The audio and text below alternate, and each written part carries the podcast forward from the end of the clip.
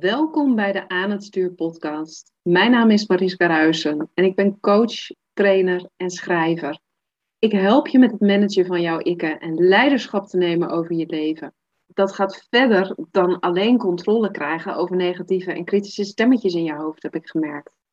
Leiderschap nemen over je leven betekent in contact staan met de diepste delen in jouzelf. Jouw archetypes herkennen is de eerste stap. Echte vrijheid ontstaat bij het volledig belichamen ervan. Pas als je volledig in je lichaam bent gezakt, kun je je opnieuw verbinden met jouw innerlijke kompas. Want die weet altijd de weg. Ik wens je heel veel luisterplezier. En tof dat je weer luistert naar een nieuwe episode van de Aan het Stuur podcast, waarin ik in deze serie in gesprek ga met inspirerende vrouwelijke ondernemers die werken met de archetypes die ze helemaal belichamen en uh, die dus ook werken met vrouwelijke energie. Nou, Nathalie van Os is daar een uitstekend voorbeeld van. Um, zij schaamt zich uh, totaal niet, is de schaamte inmiddels voorbij, omdat ze voelt vanuit haar spiritualiteit en haar magische uh, wijze ik wat zij hier daadwerkelijk heeft te doen. Bereid je voor op een heel mooi gesprek over uh, sensualiteit, seksualiteit en het belichamen van je goddelijkheid.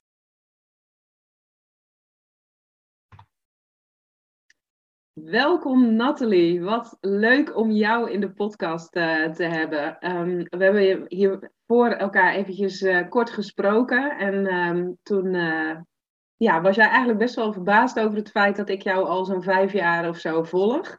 En dat is, uh, dat is eigenlijk gekomen omdat jij op het Spirit Business Event van uh, Simone Levy en Dolly Heuveling van Beek een keer een prachtig mantra zong, Ek. Waar ik ook echt heel erg van onder de indruk was. En um, nou, ik ben jou gaan volgen. En als ik zie welke ontwikkeling jij de laatste vijf, zes jaar hebt doorgemaakt van zingen, uh, yoga teacher, naar nu eigenlijk volledig bezig met het omarmen van je vrouwelijke sensualiteit, seksualiteit en alles wat daar omheen zit, dacht ik van, nou, in de serie interviews met inspirerende vrouwelijke ondernemers die hun vrouwelijke archetypes belichamen, denk ik dat het heel leuk is om met jou absoluut in, uh, in die sensualiteit te duiken. Maar ook het stukje van de heilige goddelijke vrouw. Want ik denk zeker dat jij daar ook heel erg veel over uh, te vertellen hebt. Nou, um, zoals ik al zeg, ik heb gezien dat je een enorme uh, ontwikkeling hebt doorgemaakt. Um, maar die, ja, die zal ook niet 1, 2, 3 um, vanzelf tot stand zijn gekomen, denk ik. Dus zou jij voor de luisteraars jezelf eens willen introduceren en misschien dat je ook wat kunt vertellen van, nou, hoe kom je van mantra zingen op een podium uh, naar wat je nu allemaal aan het doen bent? Ja, nou, dat kan ik. Ik vond het sowieso echt een onwijze eer dat jij mij uh, hiervoor uh, gevraagd hebt. En ja, weet je, ik vind het heel fijn om hier juist meer over te delen. Omdat het nou ja, een heel belangrijk onderwerp is. En het is natuurlijk ook een heel kwetsbaar onderwerp. En er zit knetterveel taboe op dit, uh, op dit hele onderwerp. Um, ik heb inderdaad in 2015 was het volgens mij op het Spirit oh. Business uh, Event uh, gestaan. En um, ja, ik was natuurlijk altijd al bezig met, nou ja, met spiritualiteit, mezelf ontwikkelen. En dat kwam voort uit een periode dat ik echt niet lekker in mijn vel zat. Het begon al een beetje, nou ja, als, als kind heb ik echt... Um, nou ja, ervoor gekozen onbewust om niet meer die verbinding met mijn lichaam te hebben, om maar niet te hoeven voelen, omdat mijn omgeving niet altijd even harmonieus was. En um, in mijn puberteit liep ik daarin uh, gigantisch, uh, gigantisch vast. Uh, zover vast dat ik eigenlijk hier niet meer wilde zijn. En um, wat mij daarin zeg maar, heeft geholpen, is mijn stem, wat ook echt mijn kracht is. Wat ik op dat moment ontdekte. Maar dat was voor mij meer een emotionele uitlaatklep. Um, ik trok me terug op mijn slaapkamer en ik voelde me dan nou ja, heel verdrietig. Ik had het gevoel van ik wil hier niet meer zijn. En um, wat echt mijn muziek was in die tijd, nou ja, jaren, uh, jaren 90 was de muziek van Celine Dion. Ik heb echt alle mm. cd's kreeg ik zo'n beetje rond mijn verjaardag, rond november.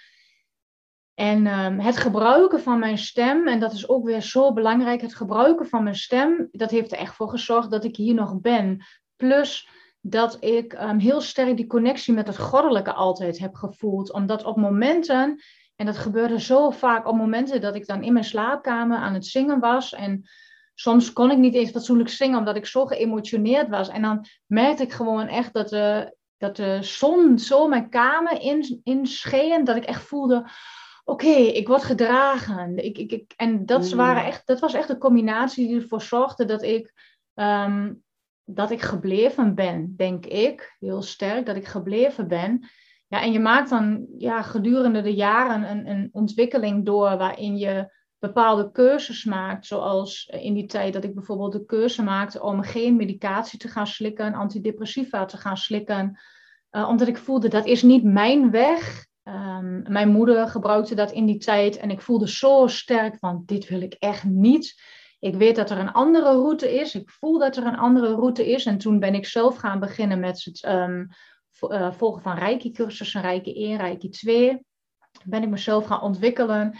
Ja, en het helpen zit in mij. En dat is natuurlijk ook wat ik nu heel erg doe. Um, op dit moment begeleid ik uh, vrouwen in trajecten, onder andere met het Joni Ei, uh, met Crystal Wands. Um, doe ik ook eh, één op één uh, sessies. Dan ga ik in het najaar ga ik daarmee beginnen. Ga ik echt de tempels geven, de Temple of Magic. Wauw. Um, waarin ik echt werk met de kracht van seksuele energie, je levensenergie, het bevrijden van nou ja, de, de stigma's, dogma's die op dat ja, gebied van seksualiteit zitten en die ons gewoon belemmeren. En Um, wat ik echt merk is doordat ik die vrouwen begeleid, dat je echt weer terugkomt in die vrouwelijke kracht en dat goddelijk vrouwelijk ook, wat jij, eh, wat jij in het begin zo mooi benoemde. En dat je die heelheid weer in jezelf gaat ervaren en dat je voelt dat het leven voor je werkt en door je heen werkt, in plaats van dat je het gevoel hebt maar te moeten presteren. En we zitten natuurlijk in een maatschappij waarin we heel erg gericht zijn op het moeten presteren. Ik merkte dat als uh, toen ik voor het eerst moeder werd en dat ik dacht, en ik moet mijn huishouden doen. En ik moet voor mijn kinderen zorgen. Oh ja, en ik wil ook nog, uh, toen was ik nog in loondienst. Ik moet mijn werk goed doen. En alles moest perfect. Dat perfectionisme zat ook heel erg, uh, heel erg in mij. Dat is, dan ook weer een gevolg van opvoeding. Hè? Ja. willen presteren, want dan, dan word ik lief gevonden. Dan wordt er van me gehouden. Maar dat ik echt um, ja, merkte van hoe meer je zakt in je lijf hoe meer je aard in je lijf, die veiligheid, die basisveiligheid die je in jezelf voelt, hoe meer compleet en heel je voelt. En dat je je lichaam dan ook echt als instrument kunt gebruiken voor, nou ja, om, om alles eigenlijk te realiseren wat je wil. En dan word je die, die manifestator, dat, dat God, ja, God zelf als het ware. En dat je echt gaat voelen van wat is mijn zielsverlangen, wat is mijn hartsverlangen. Maar dat je het ook tot uitdrukking kunt brengen. En ik merkte in de eerste jaren heel erg um, hoofd-hartverbinding, deed veel op het gebied van meditatie, energetisch werk. En eigenlijk nadat de kinderen werden geboren, toen merkte ik dat ik blokkeerde in mijn seksualiteit. En achteraf gezien denk ik, was dat al veel langer. Maar toen was het heel intens aanwezig, doordat ik geen behoefte meer had in, aan intimiteit, seksualiteit. Maar ik ook voelde, maar daar zit, daar zit een kracht en ik wil weer bij die kracht. Ik vind doodeng. Mm Maar ik zeg altijd van ja, is je verlangen groter dan je angst? Dan, weet je, dan kun je daar doorheen. Dan, uh, dan, dan lukt jou dat om dat stuk ook, uh, te helen. En ik heb gemerkt door, nou ja, onder andere dus dat werken met dat Joni-ei, dat ik echt in mijn lijf ben gekomen. En dat ik nu zo die diepe die connectie voel met mijn lichaam. Daardoor kan ik mijn lichaam ook meer als instrument gebruiken. Kan ik meer vertrouwen op dat wat er binnenkomt. En merk ik dat alles veel moeitelozer gaat. En niet meer het gevoel heb van, oh, ik moet overal aantrekken. Ik moet duwen, bijvoorbeeld in mijn, in mijn bedrijf. Hè, dat stroomt mhm. nu veel meer dan voorheen. Wanneer ik veel meer vanuit um, nou ja, sowieso een mannelijk perspectief van ondernemen. Wat nog steeds wel heel erg is van doelgericht en uh, prestaties. En je, je social media moet je inplannen. En dan moet je dit en dan moet je dat. Terwijl dat helemaal niet ik denk sowieso niet dat het past, maar dat past helemaal niet bij mij. En ik merkte doordat ik veel meer vanuit die heelheid mijn ding doe, wat ik hier te doen heb, hoe spannend dat soms is. Want ik merk wel doordat je, als je dit soort onderwerpen aankaart, Ehm, dat mensen daar wat van vinden. En dat is ook logisch dat mensen daar wat van vinden. Maar soms is het ook heel lastig om daarin dus je hoofd boven het maaiveld uit te steken en zeggen, ja, weet je, het is superbelangrijk dat je jezelf aanraakt, dat je jezelf bemint, uh, dat je je borsten aanraakt, dat je je vagina aanraakt, dat je naar haar kijkt alsof je haar voor het eerst bekijkt en denkt, wow, wat ben jij prachtig. Maar heel veel, vooral vrouwen, zijn vaak degene die, nou ja, daar op een hele, um, ja, heftige manier soms op kunnen reageren. Dat ik denk, wow, oké, ja. Zullen we elkaar nu gaan supporten in plaats van... Uh... ja. Oeh, ja. Ja, dus dat is een beetje eigenlijk zo in het, nou ja, kort de weg die ik heb afgeleid, afgelegd naar ja, waar ik nu mee bezig ben. En ik voel, daar zit nog veel meer. Dat, dat komt er langzaam uit. Ik had een tijd geleden een hele mooie reading, een rose reading gedaan bij uh, Emilou. En zij vertelde zo mooi dat elke keer dat, dat het een blaadje zeg maar open gaat, dat ik mhm. zo heel voorzichtig en dan denk ik, ja, dat is ook echt wat ik doe. Stap voor stap heel erg voelen, hé, welke stap mag ik nu zetten? En um, afgelopen uh, week heb ik dus echt een, ben ik helemaal van de sociale media afgegaan, omdat ik echt voelde dat dat nodig was. Ik had een hele intense helingssessie tijdens een meditatie ochtends. En ik voelde, ik moet even afstand nemen. Er wil zoveel door me heen komen. En daaruit heb ik ook echt een heel mooi inzicht gekregen, wat ik binnenkort ga delen, waarvan ik echt voel, ik ga dit doen, ik ga dit delen. Ik vind het doodeng, maar het is zo nodig dat vrouwen en mannen gaan weten hoe krachtig hun seksuele energie is en hoe je, we hadden het voor dit gesprek er even over, hoe je mhm. dat kunt gaan verbinden met je pijnappelklier, want daar, zit, daar zitten zoveel mogelijkheden. En ik, ja, het werken met je seksuele energie, het bevrijden van jezelf daarin, Ehm, is echt de highway to heaven, of misschien wel de skyway to heaven. Ja. Oh, wauw. Ja. Dat, uh, dat klinkt heel mooi. Um, nou, merkte ik dat jij meteen al iets bij mij triggerde waar ik inmiddels wel overheen ben gestapt, maar waar ik van weet dat ik dat een paar maanden geleden nog wel heel erg had.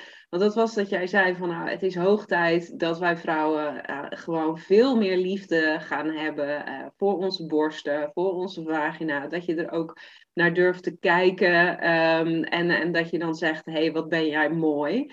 En dan moet ik wel zeggen, als je dus met een spiegeltje naar jezelf aan het kijken bent, ja, en mij verbaast het altijd enorm dat mannen daar zo verschrikkelijk opgewonden van worden. Want de eerste keer dat je naar jezelf kijkt, heb je nou niet direct zoiets. Het, het flubbert aan alle kanten en Weet je, ehm, terwijl een, een, een goede penis in erectie zien, ja, nou, daar, daar, daar kan ik toch echt wel van genieten. Dat kan ik echt oprecht mooi vinden. Maar um, om, om daadwerkelijk zonder oordeel naar mezelf te kijken en vervolgens te gaan ontdekken van, oh hé, hey, wat zit er eigenlijk een rijk spectrum aan kleuren en zo in. En uh, hoe wonderlijk dat het, dat het zichzelf vochtig maakt en zo.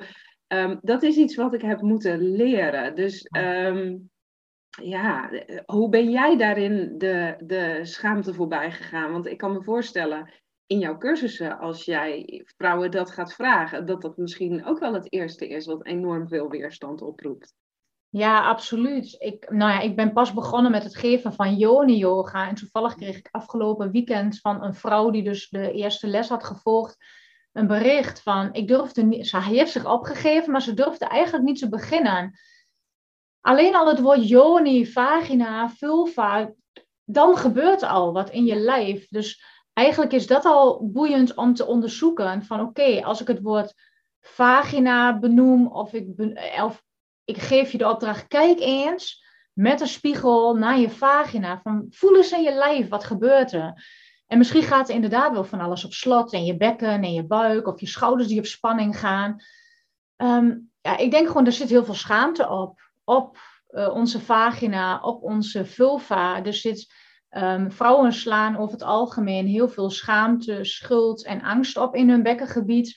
En, um, en, mannen dragen daarentegen weer veel meer woede, boosheid en frustratie. Daarom kan het voor mannen ook echt Daarom is het voor mannen ook een uitlaatklep wanneer ze seks hebben en vervolgens een ejaculatie hebben omdat ze dan eigenlijk ook die boosheid, woede en frustratie kwijt zijn. Nou, dat is allemaal heel fijn.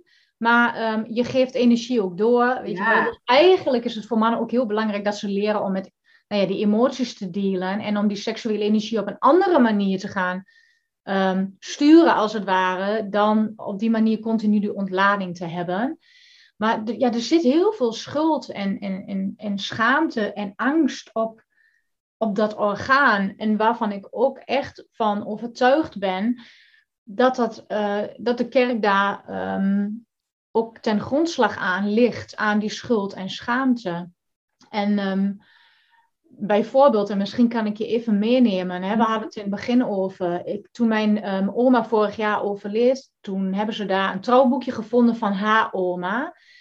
En nou ja, ik, ik, ik las dat door en daar echt de, de, de haren gaan recht overeind staan. Dat ik echt denk, oh jeetje, wat, wat, wat heftig. Wat, wat werkt dit door van generatie op generatie? Wat hebben ze hier een overtuiging neergelegd van oké, dus dit is, nou ja, ze noemen het in het trouwboekje het huwelijksgebruik, maar weet je, het is zondig, het is, het is vreselijk als je bijvoorbeeld aan jezelf zit of als je aan onthouding, eh, onthouding doet bijvoorbeeld. En misschien uh, vind je het boeiend om uh, daar wat over, uh, ja. over te horen. Want toen ik dat echt las, nou ja, ik moest een aantal woorden moest ik even, even opzoeken, zoals onanisme en het nieuw Malthusianisme. Nou ja, dat gaat dus over masturbatie, maar ook ont, onthouding. Oh. Ja, en dan dan staat er bijvoorbeeld in dat trouwboekje, en dat lees ik nu even op, dat dus um, zelfmasturbatie of onthouding, dat is een daad van laffe en brutale zelfzucht. Nummer twee is één der zwaarste zonden van ontucht. Drie, één der zwaarste zonden tegen de liefde, jegens elkanders onsterfelijke ziel. Vier, het vermoord den zielevrede. Vijf, het verleidt tot heilig schennende biechten en, com en communiën. Het zesde punt is het leidt tot verzwakking en afval van het heilige geloof. Zeven, het neemt een eerbied en achting voor elkander weg. Het achtste punt, het voert dikwijls tot echtelijke ontrouw. Het negende punt is, het maakt niet zelden zenuwziek. En het tiende punt, het ondermijnt het ondermijnt de volkskracht. En dan staat er nooit en te nimmer kan daarom deze handelwijze die op hemeltergende manier in Gods bestel ingrijpt en zijn heiligste wetten verkracht, geoorloofd of slechts kleine zonden zijn. Wow. Nou, is zo niet wat je zult niet genieten.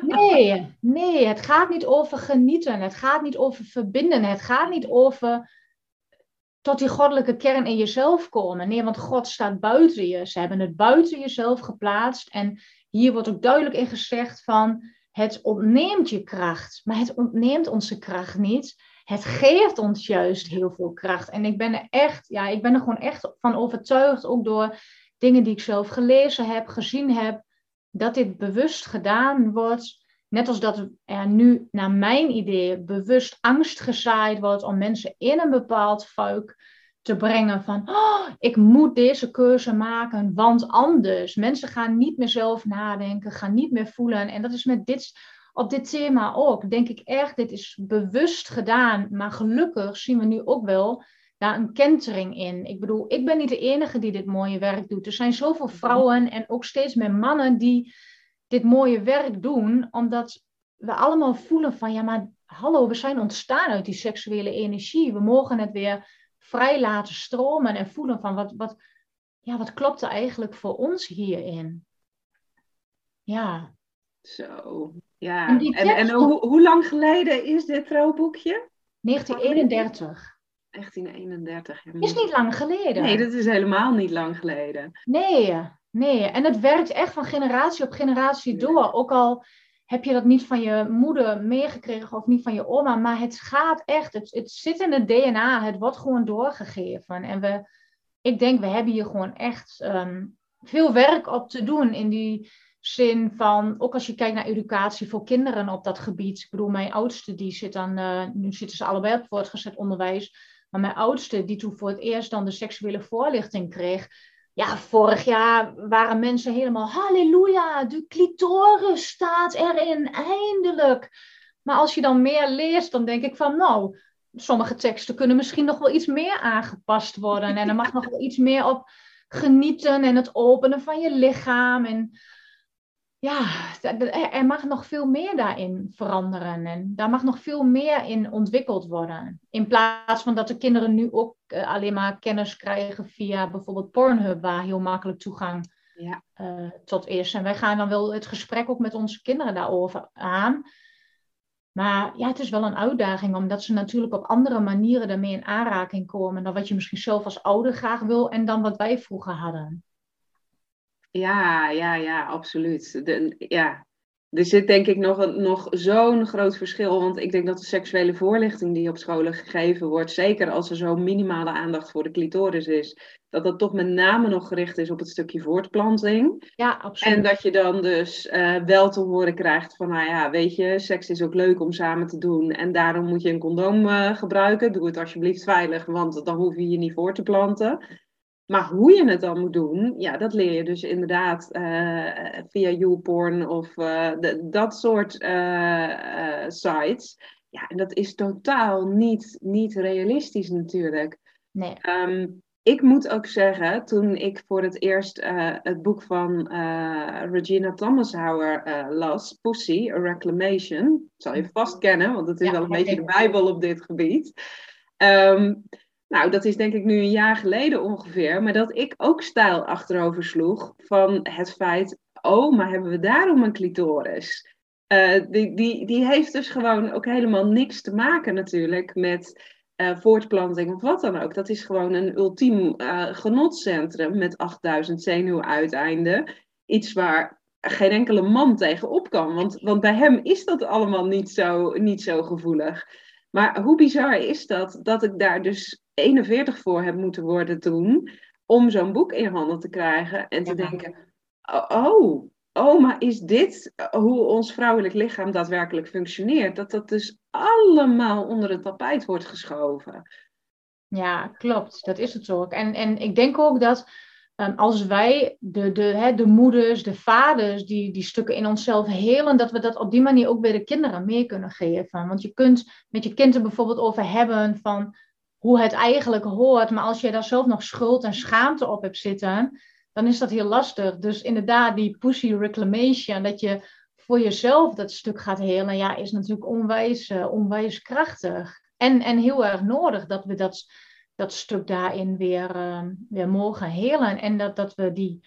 Want dat zorgt ervoor dat die levensenergie gewoon echt kan stromen. En wat gaat over gezondheid, over vitaliteit, maar ook over dat stukje spiritualiteit. En dat is natuurlijk ook, um, als je kijkt naar voordat het christendom, dus die staatsgodsdienst werkt, dat het echt spiritualiteit en seksualiteit, dat hoorde bij elkaar, dat was één. Maar zij hebben het echt uit elkaar gehaald. Oh ja, dat is iets binnen het huwelijk, weet je wel, dat doe je niet met anderen. Nou ja, niet met jezelf, noem maar op, hè, wat, wat, wat ik net ook allemaal voorlas.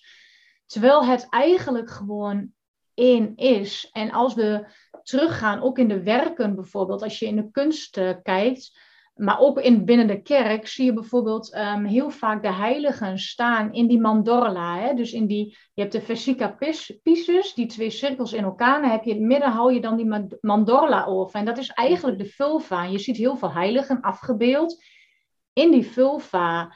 Of ik heb ooit een keer een werk gezien, ook heel mooi. Alleen naar mijn idee is die verkeerd vertaald.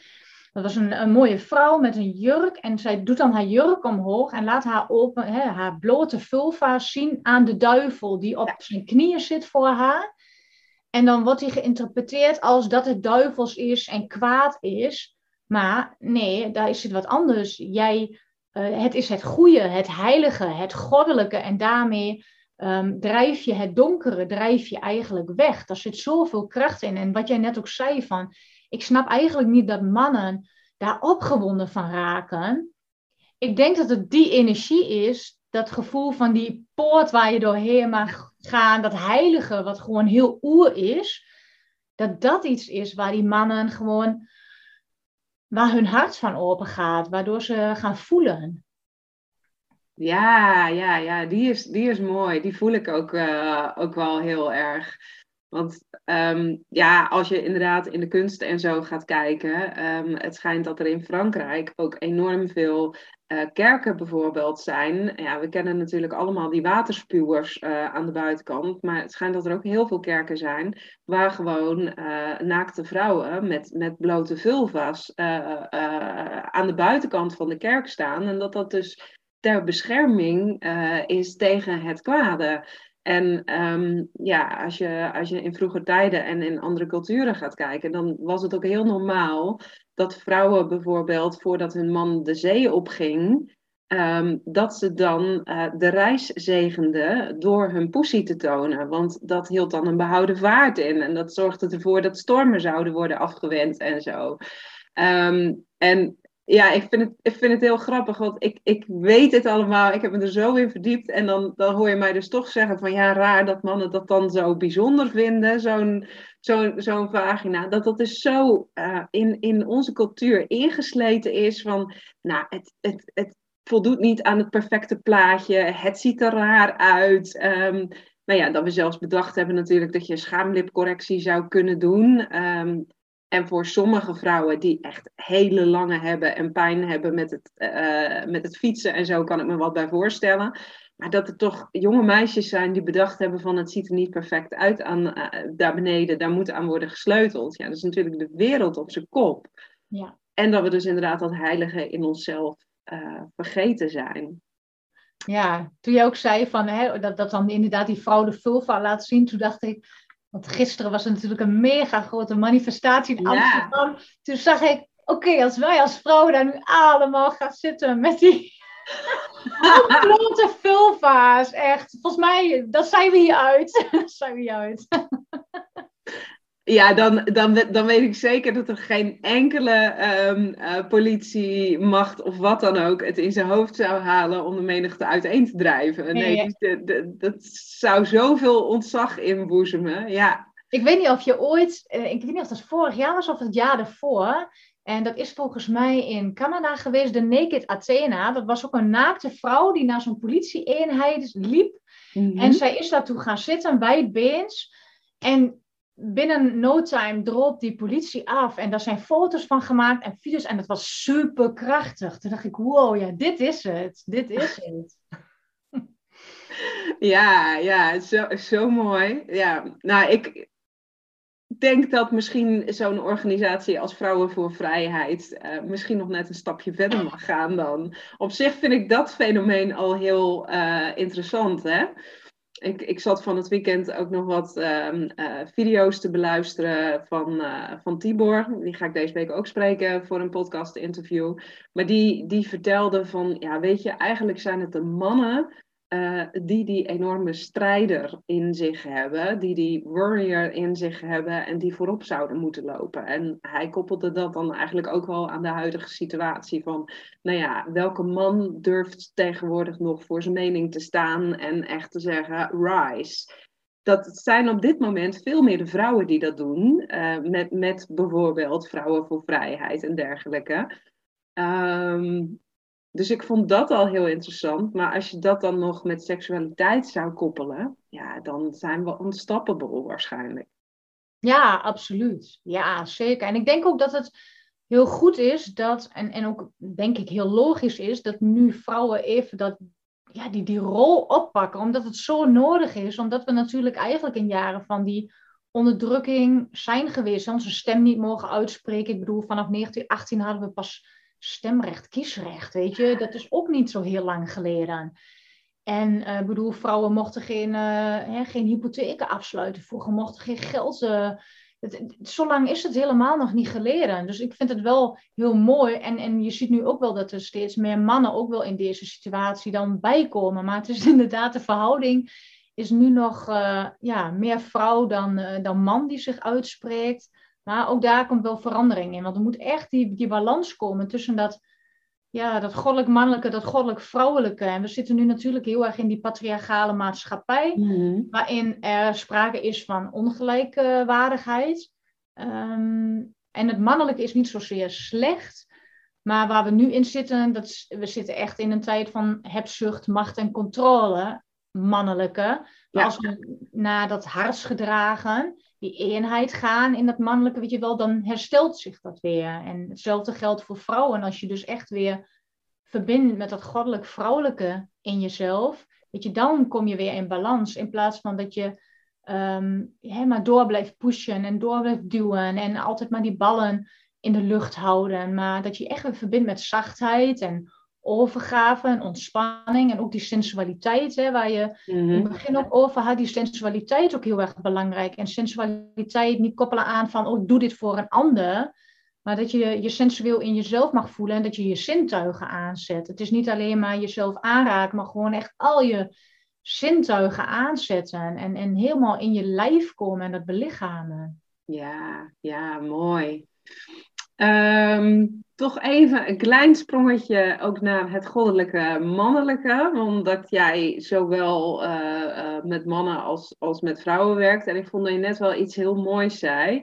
Van ehm, eh, bij een man is een ejaculatie ook echt een uitlaatklep. En um, nou, als je ervan uitgaat dat de vrouw, de baarmoeder, de vagina eigenlijk alles is waar alles in wordt opgeslagen als, als de man dus zijn ejaculatie gebruikt om woede en dergelijke te ontladen, ja, dan, dan heb je als vrouw zijnde dus eigenlijk een probleem. Want dan zit er energie in jou waar je niet op, uh, op zit te wachten. Dus dat, dat intrigeerde mij enorm dat je, dat je dat zei. Want ik denk dat dat ook tegelijkertijd een van de grootste problemen op dit moment wel is bij, bij veel mensen in de slaapkamer van hey, het, het, het goddelijke aspect in de seksualiteit, die ontbreekt. Je hebt natuurlijk, uh, ja, je, je kunt vrijen vanuit lust, of je kunt vrijen vanuit een hartsverbinding. En daar zit wel een enorm verschil in.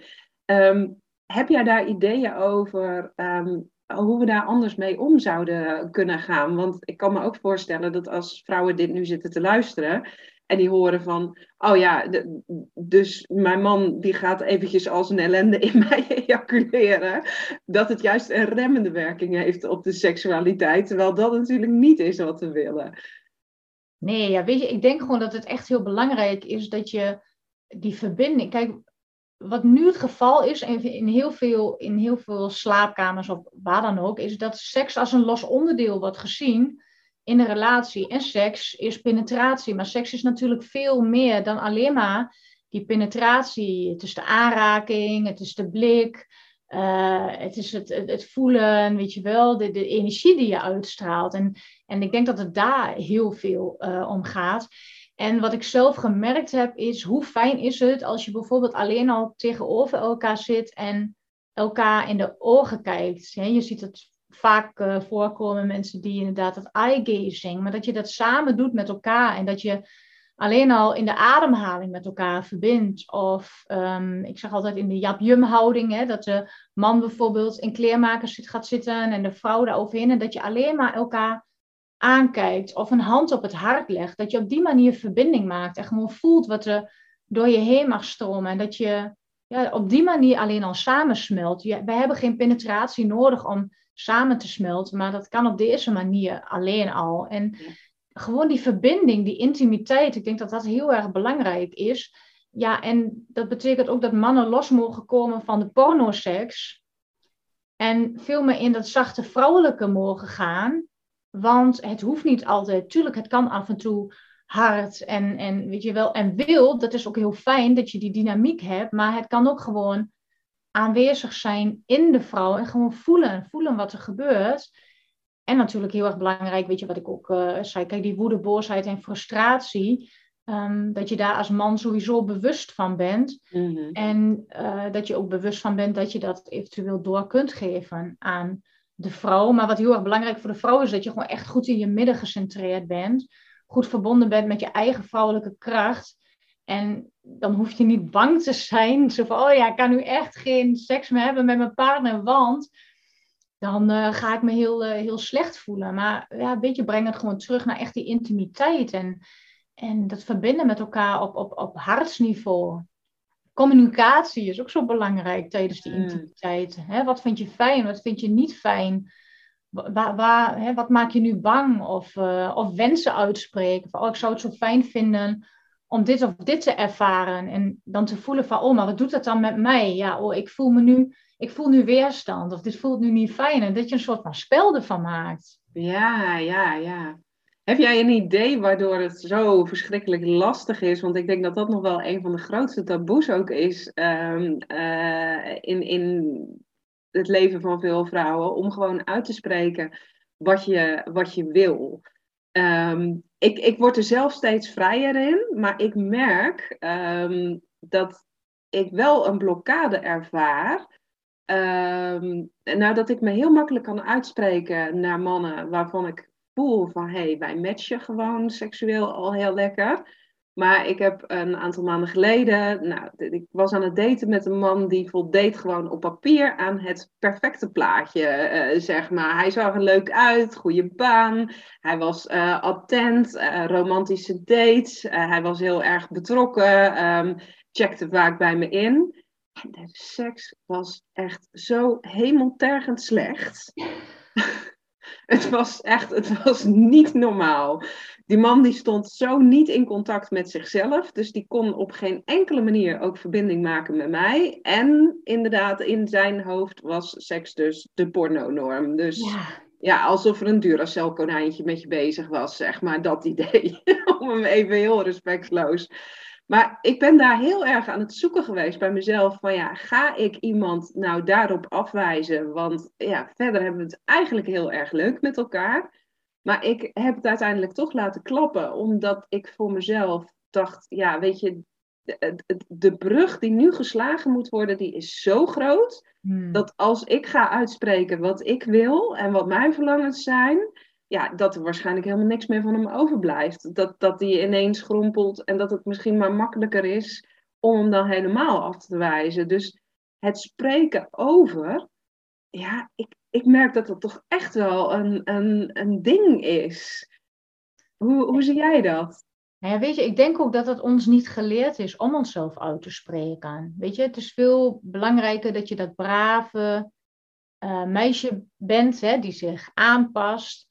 En ook als we dan weer bijvoorbeeld teruggaan naar dat trouwboekje, ehm, waarin gewoon ook echt heel expliciet staat dat jij als vrouw onderdanig bent aan de man.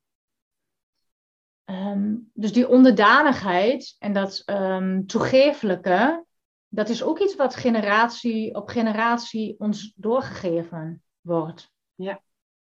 En als je dan inderdaad het moet hebben over seksualiteit, wat er dus eigenlijk al, wat al in de taboesfeer zit, hè, er zit vaak al schuld, schaamte op, ook nog met een nieuwe partner, um, dan snap ik wel dat je ervoor kiest om dat niet te doen. Maar eigenlijk is het wel heel belangrijk en je kunt op een hele liefdevolle manier, kun je daarin de communicatie aangaan. En als jij dan dat, zeg maar, dat voorbeeld benoemt van hoe dat dan gegaan is, dan denk ik, ja, hij doet het op de porno-manier, maar dat komt eigenlijk doordat hij ook totaal niet in verbinding staat met zichzelf. Nee.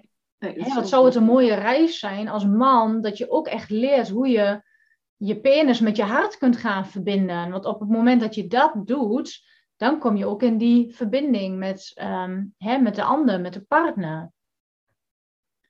Dus ik denk dat het ook weer een dingetje is wat gewoon in dat collectief zit. Van ja, we, we mogen dat niet, want we moeten onderdanig zijn aan, aan de man. En de man die denkt vaak dat hij superieur moet zijn aan de vrouw, want dat is ook hoe het, uh, hoe het beeld is en, en wat ons is verteld. Maar ik denk, hoe meer je dat gaat doen, hoe meer je, ja, misschien had je hem op dat moment juist wel bewust gemaakt en geprikkeld van, oh, oké, er is nog iets anders mogelijk.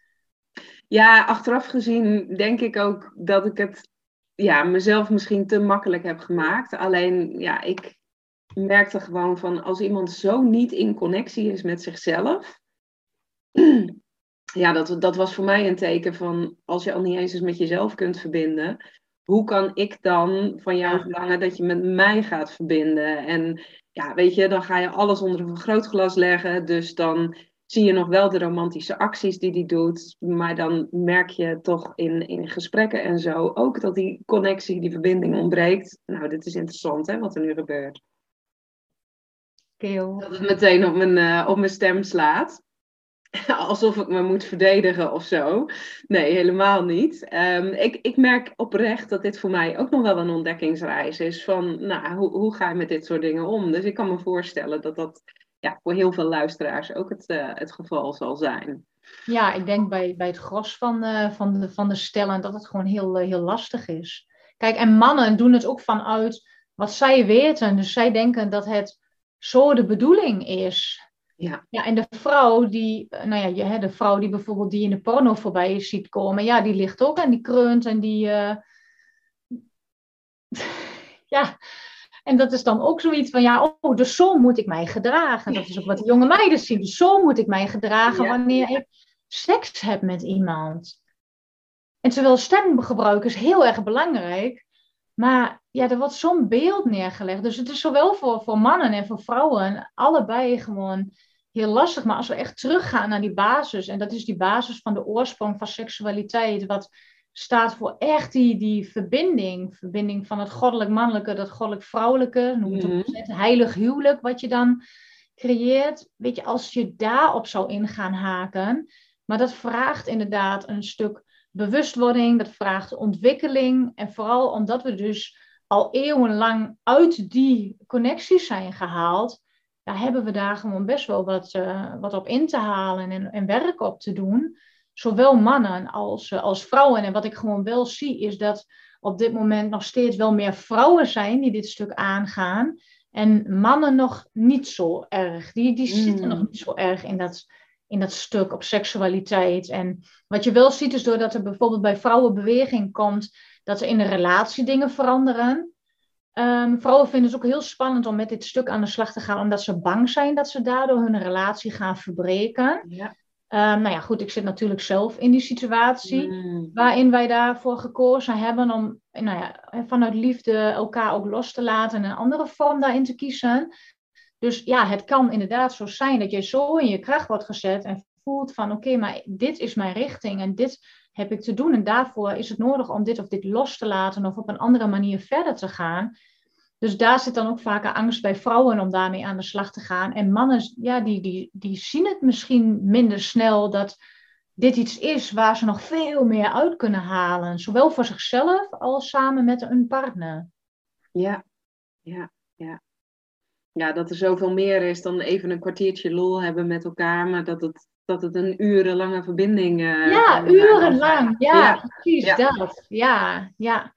Ja, ja, mooi. Hey, en um, ik kan me ook voorstellen dat um, uh, als mensen dit zitten te luisteren, jij, jij benoemt het heel mooi, hè? Sacred Sexuality. Um, nou, in mijn programma uh, The Feminine Journey werk ik ook met het archetype van de heilige goddelijke vrouw. En ik merk nu al dat dat bij sommige vrouwen heel veel weerstand oproept. Juist ook vanuit dat stukje vanuit de kerk. Hmm. Uh, denk ik. Van ja, nou, we hebben hele andere dingen geleerd over wat heilig en goddelijk uh, zou zijn. Um, ik voel helemaal waar je naartoe wil met, met, met een, een heilige verbinding. Maar zou je daar nog wat meer over uit kunnen wijden van um, wat is dan precies de energie die vrijkomt uh, als je dus inderdaad op die manier de, de verbinding hebt? Want ja, je, je zei aan het begin van het gesprek ook al tussen neus en lippen door, dat is een manifesteerenergie. Um, en, en daar denk ik dat we allemaal wel meer van zouden willen. Dus um, kun je daar nog eens wat meer over uitleggen? Ja, nou weet je, ik denk dat het woord heilig, holy, kun je zien als whole, als heel. Dus wat je gaat ervaren is dat je heel bent. En als jij dus aan zelfbeminning doet en je leert hoe je die energie kunt cultiveren, hoe je die energie kunt vergroten, hoe je die energie bijvoorbeeld met je pijnappelklier kunt gaan verbinden, dan ervaar je die heelheid in jezelf. Dus als je echt je hoofd, je hart en je bekken met elkaar verbindt, of ja, je bekken, het is eigenlijk gewoon je yoni of je penis met elkaar verbindt. Als je die drie centra's verbindt met elkaar, dan kom je echt in een staat van heel zijn. Doe je dat samen, um, dan bestaat er geen tijd en ruimte meer. Dan ben je samen, zit je in een totaal andere sfeer, waardoor er geen tijd en ruimte bestaat. Dus als je dan bijvoorbeeld uh, denkt dat je een uur zit, dan zit je misschien in de, deze realiteit zit je een hele dag. Mm. het bestaat niet meer. Alles valt weg. Je komt in een totaal andere staat van zijn. En dat is voor mij de ultieme verbinding tussen ehm, man, vrouw. Ik heb het alleen met, met hè, een man, zeg maar, ervaren. Ehm, hè, waarschijnlijk kun je het ook met een vrouw ervaren. Maar dat je echt helemaal in die andere sfeer terechtkomt. Waarin je samen heel wordt. En te, echt tijd en ruimte, alles valt weg. Wauw, mooi. Ja. En daarvoor hoef je niet eens um, seks te hebben. Dat kan al zijn door in een ruimte te zijn met iemand waarvan je zo sterk voelt van, oké, als we samen zijn, dan gaat, vliegt de tijd, weet je wel. Dan bestaat er geen tijd meer, dan bestaat er geen ruimte meer. Dus het hoeft niet alleen maar in die, ehm, in de intimiteit zelf te zijn wanneer je seks met iemand hebt, maar dat kan ook gewoon door de aanwezigheid zijn. Mm. En je kunt door, en dat vind ik ook heel mooi, daar heb ik eigenlijk nog niks over verteld, ehm, waarvan ik vind dat elke puber dit moet leren, is dat zowel de penis als de ingang van de vagina bestaan uit reflexzones. En die reflexzones die zijn verbonden met organen en daarbij met emoties en deugden. Op het moment dat jij intiem bent met een partner, of, of je doet het zelf bijvoorbeeld met een crystal wand, dan kun jij jezelf helen um, door dus die reflexzones te masseren. Als je bijvoorbeeld kijkt, de baarmoedermond is verbonden met je hartcentrum. Heel veel vrouwen hebben heel erg veel pijn bij diepe penetratie. Mm Dat komt doordat daar ook nog blokkade zit op het energetisch hart. Je kunt ook het fysieke hart daarmee zeg maar, aanraken. Maar je heelt dus op hartsniveau. Er zijn bijvoorbeeld vrouwen die ehm, heel veel pijn hebben aan het begin van de vagina. Dat is, die is bijvoorbeeld verbonden met de nieren. En mhm. daar kun je heel veel angst hebben opgeslagen. Dus door je nog meer bewust te worden van die reflexzones, kun je jezelf heel bewust masseren. Zowel de man ook, die heeft ook allerlei reflexzones op zijn, nou ja, zijn ballen, zijn penis. Mhm. Waardoor je ehm, gewoon met heling bezig bent. Dus seksualiteit, zelfbeminning of met elkaar is ook heling. En um, Wauw, hebben we daar dan dezelfde soort zones als dat je voetreflexzones hebt, zeg maar? Ja, ja je hebt, um, het bestaat uit, je hebt je nieren, je lever, je milt, um, je longen en je hart. En dat zijn zeg maar de vijf zones in de vagina. Mhm. En dan heb je bijvoorbeeld de clitoris is ook verbonden met je pijnappelklier. En zo heeft de man ook verschillende zones. En ook het topje van de man is ook weer verbonden met de pijnappelklier. Dus elk deel wat je masseert heeft impact op. En als je dan bijvoorbeeld ook nog die zelfmassage doet en je gaat met je aandacht um, naar die plek in je lijf, dan ga je die verbinding maken. Dus je gaat eigenlijk die, die, die zenuwbanen, die ga je een soort van ehm, ehm, vernieuwen, zorgen dat er weer nieuwe lijntjes komen. waardoor je in een hogere staat van zijn kunt komen en een diepere heling hebt op een bepaald niveau. En als je echt penetratie hebt, en um, niet penetratie als in de porno, maar als je zeg maar de man ontvangt in je en je um, kiest een bepaalde houding, een bepaald standje, dan kun je die bepaalde plekken kun je heel mooi gaan stimuleren. Zowel voor de, voor de man als voor de vrouw. En daar zit ook een hele um, reflexologie uh, kennis zit daar weer, weer achter. Echt super boeiend. Maar seks is gewoon heling diepe, diepe heling op, op, op eigenlijk alle lagen. En als we dat stukje weer gaan zien, dan wordt seks iets totaal anders als van, oh ja, um, ik doe dus maar weer, ik doe maar weer, want dan ben ik er weer een paar weken vanaf of zo. Ja, ja. Maar het vraagt, het vraagt bewustzijn, en dat is het, het vraagt bewustzijn, zowel van de man als van de vrouw in de relatie, of vrouw-vrouw of man-man. Het vraagt mm. bewustzijn als je dit pad bewandelt, dan ja, heb je vaak al een bepaald, bepaalde stappen voor die tijd gedaan aan persoonlijke ontwikkeling, aan groei. Uh, want wat ik wel merk is dat dit een soort van het laatste stuk is of zo. Want ja, tenminste, dat voel ik bij mezelf heel erg. En ik merk dat ook aan de vrouwen die met mij meereizen. Ja, die, het stuk is gewoon heel spannend, omdat het zo'n kwetsbaar deel is in jezelf en we daar zo in beschadigd zijn. En daarom is het gewoon heel spannend om dit, dit, dit aan te gaan. Maar als je dit aangaat en weet je, ik ben ook nog langer niet klaar. Ik groei daar nog in en, dat is het. En ik vind het ook boeiend om daar steeds dieper in te gaan. En te werken met de-armoring en, en te voelen in mijn lijf. En doordat je je verbindt met je yoni. Ik heb bijvoorbeeld een periode gehad dat ik echt voelde aan de linkerkant van mijn yoni van, oh, dan voel ik wat spanning. Nou ja, dan ga ik een moment, een ritueel voor mezelf doen met een crystal wand, zodat ik dat weer ga losmasseren. En dan en te ademen en, en mijn stem te bevrijden. En dan op die manier heel ik mezelf. En we zijn er allemaal toe in staat om, om, om dit te doen. En ik vind gewoon echt op het moment dat jij je yoni of je penis gaat verbinden met je hart en verbinden gaat met je hoofd, dan kom je echt in die, in die heelheid. En ik denk dat dat, um, we hadden het heel in het begin voor deze opname over dat Christusbewustzijn en hè, Maria Magdalena en Christus, heel veel over geschreven, waarin Maria door de kerk natuurlijk als hoer is weggezet. Uiteindelijk is het rechtgezet, maar de meesten kennen haar nog steeds als die hoer. Terwijl er zoveel geschriften zijn waarin zij echt de apostel der apostelen is. En zij eigenlijk die heilige eenheid waren en zij de vrouwelijke Christus is. Ehm, ik denk dat dat het stuk is wat we in onszelf mogen gaan belichamen. In onszelf en, ehm, en met elkaar. En zo zie je bijvoorbeeld ook steeds meer mensen die hun, ja, ze noemen het tweelingziel of twin flame op hun pad krijgen. Om weer in die union te komen, om in die eenheid te komen. Maar dat betekent eerst die eenheid in jezelf te voelen. En voor mij is dat echt het werken met die seksuele energie, het verbinden in je lijf, echt zakken, het belichamen. En dan kun je je lichaam en alles wie je bent echt als portaal gebruiken. Ik zeg, dan ben je echt een divine portal voor alles wat er maar door je heen mag komen.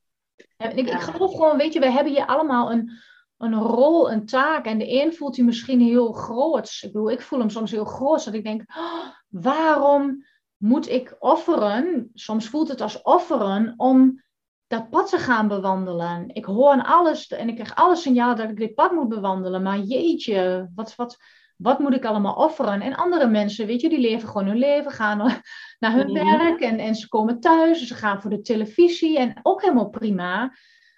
Maar ik denk uiteindelijk gaat het heel erg over het thuiskomen in jezelf. En die balans daarin. Ja, heel mooi wat je zegt. En, en ook uh, dat je dus inderdaad ook heel realistisch bent van nou, de weg naar heelwording in jezelf, voordat je die met een ander kan delen, die kan ook echt best wel pittig zijn als je inderdaad gevraagd wordt om dingen te offeren. Nou, ik merkte zelf toen ik een aantal maanden geleden voor het eerst met een Joni-eitje aan de slag ging, um, dat ik daar dus helemaal niet op bedacht was. Want het was een eitje van, van rozenkwarts. Dus ik dacht, nou, dat zal alleen maar licht en liefde zijn wat er nu gebeurt. Uh, na een paar uur na de heling hing ik kotsend boven de wc. Hmm. Uh, en vervolgens heb ik een aantal dagen later nog een keer zo'n healing gedaan. En um, toen heb ik de halve nacht op het toilet doorgebracht. Oh. En toen dacht ik, oh my god. toen heb ik mezelf echt wel eventjes uh, weer een slinger moeten geven van, nou, wat gebeurt er? Uh, Dank je wel. Er is dus kennelijk heel veel wat nu losgelaten mag worden. En uh, wat, wat dus ook bevrijd wordt door de liefde die in dat eitje zit. Maar je eerste reactie is natuurlijk, want we zijn allemaal ingesteld op korte termijn genot in plaats van dat we zien wat het op de langere termijn kan opleveren, is ik gooi dat eitje in een hoek en ik kijk er nooit meer naar. Dus ik vind het wel heel mooi dat jij ook durft te benoemen van uh, ja, de weg naar heling is niet altijd een, een weg die met rozen geplaveid is. Nee, er komt ook heel veel donker, hè? heel veel donker tegen. En ik denk dat het belangrijk is om dat ook gewoon, om daar doorheen te gaan. En wat jij zei over, je hebt dus een roze kwarts eitje gebruikt. En dat is dus het eerste ei wat jij ooit hebt gebruikt. En als je dan kijkt vanuit het, uh, de Taoïstische traditie, daar hebben ze eigenlijk drie eieren. En de eerste waar je eigenlijk mee zou moeten starten, is het jade-ei. En het jade-ei, dat is een veel meer zachte, zuiverende, harmoniserend eitje is dat. Okay. Het, het roze kwarts-ei is het laatste ei in een rij van drie. Dus de eerste is het ah. jade. En dan heb je de obsidiaan. De obsidiaan die werkt dieper in op trauma's. Dus dan ga je dieper zakken. Mm En vervolgens de roze kwarts. En als je ook kijkt, roze kwarts is verbonden met het hart, het hartchakra, de baarmoedermond, het diepste in de yoni is verbonden met je hart. En ik weet gewoon, heel veel vrouwen kiezen als eerste voor roze kwaas. Liefde, roze, zacht. Maar wanneer je gaat starten met, een, met het beoefenen van het yoni-ei, kan het dus juist heel intens en heel heftig zijn. Dus als je kijkt naar wat het advies is vanuit de Taoïstische traditie, is Mhm. echt jade, dan obsidiaan en dan roze kwarts. En dan kun je nog experimenteren met andere mineralen, maar dat is zeg maar de, ja, de, de heilige drie-eenheid die je dan eh, op, op volgorde dan volgt.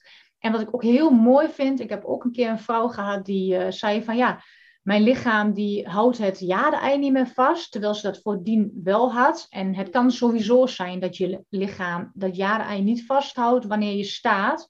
Dan doe je oefeningen bijvoorbeeld eerst gewoon liggend of zittend, omdat er wat meer balans in dat bekkengebied moet komen. Maar ze zei op een gegeven moment, ja, dat jade-ei, mijn lichaam laat het gewoon los, het valt eruit. En toen gaf ik aan, nou misschien is jouw lichaam toe aan een volgende stap. Probeer eens de obsidiaan. En dat ging wel goed. En toen kwam ze weer verder in het proces. Dus ook je lichaam geeft heel mooi aan wat het nodig heeft op dat moment. En soms is het heel lastig, want ik had een keer tijdens een wandeling had ik mijn obsidiaan-ei in, want ik voelde van oké, ik mag wel wat diepe healingwerk doen. Nou, toen gingen we lekker wandelen. Mhm. En op een gegeven moment zeg ik tegen mijn man, "Ugh." ik zeg, hij gaat eruit. En, ik was hem aan het klemmen en klemmen. En toen dacht ik, ja, nou ja, blijkbaar is de healing voorbij.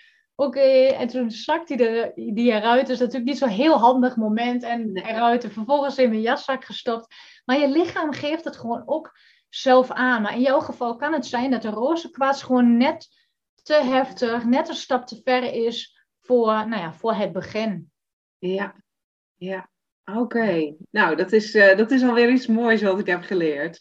Ja, Ehm, we zijn al bijna een uur bezig, maar ehm, we zeiden aan het begin van het gesprek van, nou, eh, die pijnappelklier, die heb je al een paar keer benoemd. Dat is wel echt iets wat ook heel erg belangrijk is om nog eventjes dieper op in te gaan. Want het is iets als je, nou ja, in ieder geval eh, het niet eens bent met wat er nu allemaal in de wereld gebeurt, dan zal je misschien af en toe iets langs hebben horen komen over de pijnappelklier en het gebruik van een zonnebril bijvoorbeeld. Maar ehm, ja, het kan ook zijn dat je zegt, nou, ik weet eigenlijk helemaal niet wat die pijnappelklier is en, en wat die doet. En helemaal omdat jij zegt van, nou, je geslachtsorganen zijn dan vervolgens ook weer verbonden met die pijnappelklier. Ik denk dat het leuk is om daar nog iets, eh, iets meer over uit te wijden.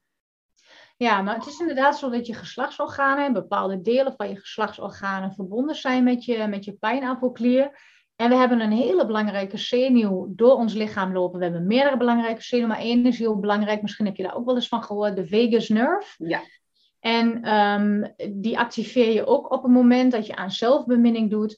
En die pijnappelklier, ehm, ik heb daar een hele tijd geleden en ik ga daar ook meer nog over delen. Want dat is ook wel wat ik heel spannend vind. Ik wil gewoon graag meer mensen gaan begeleiden in hoe kun je dat nou gaan doen. Ehm, dus in groepen gaan masturberen, zelfbeminning, om dat te leren. En wat ik een hele tijd geleden, zeg maar, nou ja, in een visioen heb gekregen, in een, ehm, ja, wat ik dan doorkrijg soms, is het werken met kristallen, energetische kristallen. En op het moment dat wij onze pijnappelklier ook gaan visualiseren als een kristal en we gaan daar meditatie op doen, kunnen we die energie van die pijnappelklier kunnen we vergroten. En natuurlijk kun je sommige dingen doen uh, qua voeding bijvoorbeeld. Wij hadden het in het begin over fluoride. Fluoride heeft ook invloed op die pijnappelklier. Dat je bewust kiest. Waar, waar, waar zit die voor de mensen die niet weten waar die... Eigenlijk in het midden van je hoofd. In het midden van je hoofd. En zeg ook wel dat die verbonden is met je kruin, met je derde oog. Soms helpt het om, um, als je je wil verbinden met je fysieke pijnappelklier, als je je ogen dicht hebt, dat je dan naar boven kijkt naar je derde oog. En het kan soms zijn dat je wat druk voelt dan op je hoofd, maar op die manier kun je je pijnappelklier nou ja, situeren in, je, in, het midden van je, in het midden van je hoofd. En um, wat ik dus heel erg doe, is het werken met energetische kristallen. En um, ik weet, uh, ja, je gaat Tessa ook, uh, Tessa is ook heel erg bezig met het crystal grid, het crystal grid van moeder aarde. Um, overal zijn kristallen. In de aarde, maar ook in ons lichaam. En die kunnen we activeren. En op het moment dat wij dat gaan activeren, gaan wij ook meer DNA-strengen aanmaken. Ooit waren er twaalf DNA-strengen, of misschien nog wel meer. En die zijn eigenlijk teruggebracht naar twee strengen. En we zitten nu in een tijd waarin er weer meer strengen ontstaan. En door dit te gaan doen, kun jij jouw DNA dus veranderen. En onder andere die pijnappelklier kun je gaan visualiseren als een kristal. En wat ik heel erg um, heb doorgekregen is als we dat gaan uh, visualiseren als een kristal. En je plaatst jezelf daarin, in dat kristal. En je visualiseert in die pijnappelklier jouw diepste, diepste zielsverlangen. En je maakt een soort van quantum leap door daar helemaal in te zijn, in te gaan voelen. Ehm, in die toekomstige jij eigenlijk. En je gaat die energie ga je verbinden met die pijnappelklier, dus de energie van een orgasme. Dus dat je dat opbouwt door zelfbeminning. En je maakt als het ware die, die lijn met je pijnappelklier. Mhm. Dat je het op die manier ga je jezelf als een soort magneet, ga je je rewiren. Dus je gaat jouw energieveld veranderen, waardoor jouw realiteit verandert. En waardoor jij datgene dus kunt gaan realiseren. Je kunt ook bijvoorbeeld um, daardoor inzichten krijgen. Of misschien kom je wel bepaalde energieën tegen die zich vormen in een beeld van nou ja, misschien een kabouter of een unicorn. Of je komt in een hele mooie omgeving terecht. Of dat je echt contact maakt met het universum omdat je een bepaalde vraag hebt. Maar op die manier kun je dus je energie gaan verbinden. En wanneer je dat dus gaat visualiseren in dat kristal. Ehm, en die verbinding maakt met die orgastische energie. Dan ga je je lichaam echt opladen en je frequentie veranderen, waardoor je dus die realiteit ook aantrekt. Ik zeg altijd, wij denken dat wij in een lineaire tijd leven, dat je van A naar B gaat, maar je gaat niet van A naar B. Um, je tijd kun je veel meer zien als een, als een cyclus. En ik heb het mhm. wel eens uitgetekend als allemaal cirkels om elkaar. Stel je voor, je zit in één baan, zit je, maar je wil heel graag naar de toekomstige baan, want je voelt van, oh ja, ik voel me nu niet fijn op dit moment, ik wil mij anders voelen. En door jou in een andere staat van zijn te brengen, door jou te verbinden met de toekomstige jij, dus stap je dus eigenlijk in een andere tijdlijn. En door die seksuele energie, die orgastische energie te gaan verbinden met die pijnappelklier, waar jij die toekomstige baan, zeg maar, visualiseert. Dus het is visualiseren, je ruikt het, je proeft het, je gebruikt al je zintuigen, je, je, je, je ziet het, je voelt het. Ehm, haal jij die realiteit in jouw leven. In plaats van dat je ergens naartoe gaat, komt het naar je toe. Doordat jij, hè, dat is hetzelfde wanneer je bijvoorbeeld aan iemand denkt en diegene gaat jou bellen. Ja. Jij denkt van, oh, hoe zou het met die ga diegene gaan en diegene gaat jou bellen. Of je stuurt een berichtje naar iemand en die zegt, oh, precies op het juiste moment. Dat is eigenlijk hetzelfde wat je doet. Maar je kunt het nog veel grootser doen door bijvoorbeeld aan zelfbeminning te doen, maar ook met je ademhaling die orgastische energie gaan verbinden met je pijnappelklier. En zo activeer je die pijnappelklier steeds meer. En dat zorgt er echt voor dat je dus die onderste regionen eh, met je hart en je hoofd gaat verbinden, waardoor je die eenheid en dat goddelijke in jezelf ervaart. Dus dan kom je ook in een andere staat van zijn. Hmm, ja, heel mooi eigenlijk wat bijvoorbeeld een therapeut als Leila Martin, eh, die zal je ongetwijfeld uh, ook kennen, vind ik heel inspirerend op, uh, op YouTube, maar wat zij dan sex magic noemt. Ja, ja, maar dat is het. Ja, ja, ja. ja. Dat we letterlijk gewoon door, door orgastisch te worden magie uh, op ons pad kunnen, kunnen aantrekken. Ja, en dat is ook, denk, weet je, dat is ook wat in de, vroeger in de Egyptische tempels werd gedaan door de tempelpriesteressen. Deze beoefening is eeuwenoud, alleen het is allemaal weggestopt, omdat daar zoveel kracht in zit. Want als wij dit stukje weer in onszelf gaan toelaten en weer opnieuw die, die banen gaan verbinden, ja, weet je, the sky is no limit. Nee, nee, nee. Dat is echt, weet je, die heilige graal voor mij. Dat echt die verbinding, die eenheid in jezelf, waarmee je alles kunt creëren wat maar mogelijk is. En wat, wat, je, wat je ziel, en dan vanuit zuiverheid en, en oprechtheid. Kijk, ik kan uh, het gebruiken om een bepaalde auto te manifesteren of te willen, maar met welke intentie doe ik dat? Doe ik dat vanuit hebzucht? Mm Of doe ik dat omdat ik denk, wow, dit geeft me zo'n fijn gevoel. Ik voel me nog lekkerder. Wat is de intentie erachter? Ik denk dat is ook heel erg belangrijk. En dat heb ik ook altijd in mijn, in mijn werk, de intentie van zuiver zijn. Dat vind ik zo belangrijk. En hoe kun je dienstbaar zijn ook voor de, voor de wereld? Zeg ik ook wel eens. Van, heb ik ook wel eens tegen mijn kinderen gezegd. Van ja, ik ben, niet alleen, ik ben hier niet alleen maar om jullie moeder te zijn. Of om alleen maar partner te zijn. Ik voel ook heel sterk dat ik dienstbaar mag zijn voor, nou ja, in dit geval de vrouwen die ik begeleid. Of andere mensen die op mijn pad komen of vrienden vinden. Ik, ik voel gewoon die, die dienstbaarheid heel erg. Ja, ja, mooi. En dat is natuurlijk ook een onderdeel van je seksuele energie. Hè? Ik heb twee weken geleden een Sensual One Day Retreat gegeven aan uh, zeven prachtige dames op hele mooie plek. En toen zijn we echt helemaal in de archetypes gedoken, of een aantal, want ja, je kunt ze natuurlijk nooit allemaal hebben. Maar uh, toen hebben we zeven vrouwelijke archetypes uh, die te maken hadden met seksualiteit. Um, hebben we aangeraakt. En um, nou, de eerste waar we toen bij uitkwamen was Vesta. En um, ja, de, de godin van huis en haard. En dan zou je denken, wat heeft die nu te maken eigenlijk met, met seksualiteit? Um, nou ja, het idee alleen al natuurlijk dat zij uh, Vestaalse maagden bij zich had om de tempel te bewaken en het vuur brandende te houden. Uh, ja, het vuur, dat, dat wordt ook echt gesymboliseerd in die V-vorm waar Vesta uh, voor staat. Nou, de V-vorm natuurlijk van, van de vulva. En um, toen ik daar dus helemaal in ging duiken, toen zag ik ook van, oké, okay, maar het vuur brandende houden, dat doe je dus niet alleen voor jezelf, maar dat is juist ook het stukje dienstbaarheid.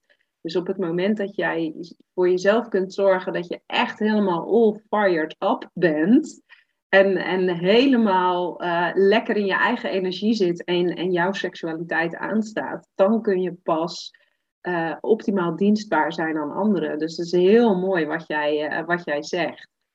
En ja.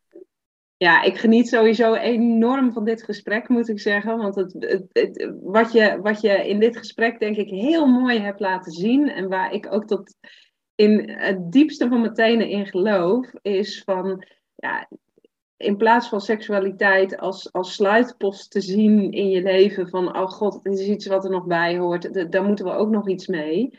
Kun je het dus daadwerkelijk tot je allergrootste bron van kracht maken en kun je dus ook uh, naar die goddelijkheid in jezelf komen, mits je maar op de juiste manier uh, met die energie durft te werken. En um, ja, dat je met jezelf daarin dus ook de heling durft aan te gaan en, en niet terugschrikt voor alles wat je daarin tegenkomt op je pad. Dus ja, dank je wel dat, dat je dat um, eigenlijk in een uurtje zo mooi hebt kunnen laten voelen. Ik denk dat uh, nou, als mensen hier naar luisteren, dat ze uh, ook zeker ja, nu meer van het goddelijke in zichzelf zullen snappen. Um, als mensen meer over jou uh, willen weten en wat je doet, uh, zijn er dan uh, kanalen waar ze je absoluut op moeten gaan volgen? Of is er iets waarvan jij zegt, nou hey, dat kan ik bieden als je meteen nu met me aan de slag wil? Ja, nou wat misschien heel erg leuk is, en dat is ook eigenlijk ontstaan vanuit mijn sociale media detox. Um, ook dat is denk ik heel erg belangrijk om, om, om te doen. Om als je voelt dat je dienstbaar wil zijn, om je gewoon af en toe daarvan terug te trekken en gewoon echt naar binnen te gaan. Is dat daar een hele mooie vijfdaagse online gratis innerlijke reis uit is ontstaan, Rebirth Yourself. Waarin ik um, eigenlijk vrouwen meeneem, vijf dagen achter elkaar op, uh, op een avond van, uh, van maandag tot en met vrijdag. En dat is dan van, uh, even kijken, van kwart voor acht tot kwart over negen. En dan ga ik elke dag ga ik een bepaald thema aan, uh, aanraken. En het gaat dan heel erg ook over het joni-ei wat centraal staat, al die dagen. Zoals dag één, dan ga ik ook vertellen over het blije ei. Ik noem het altijd het blije ei. Waarin ik meer informatie vertel over het joni-ei, wat vandaan komt, de voordelen, nadelen, contra-indicaties, noem maar op.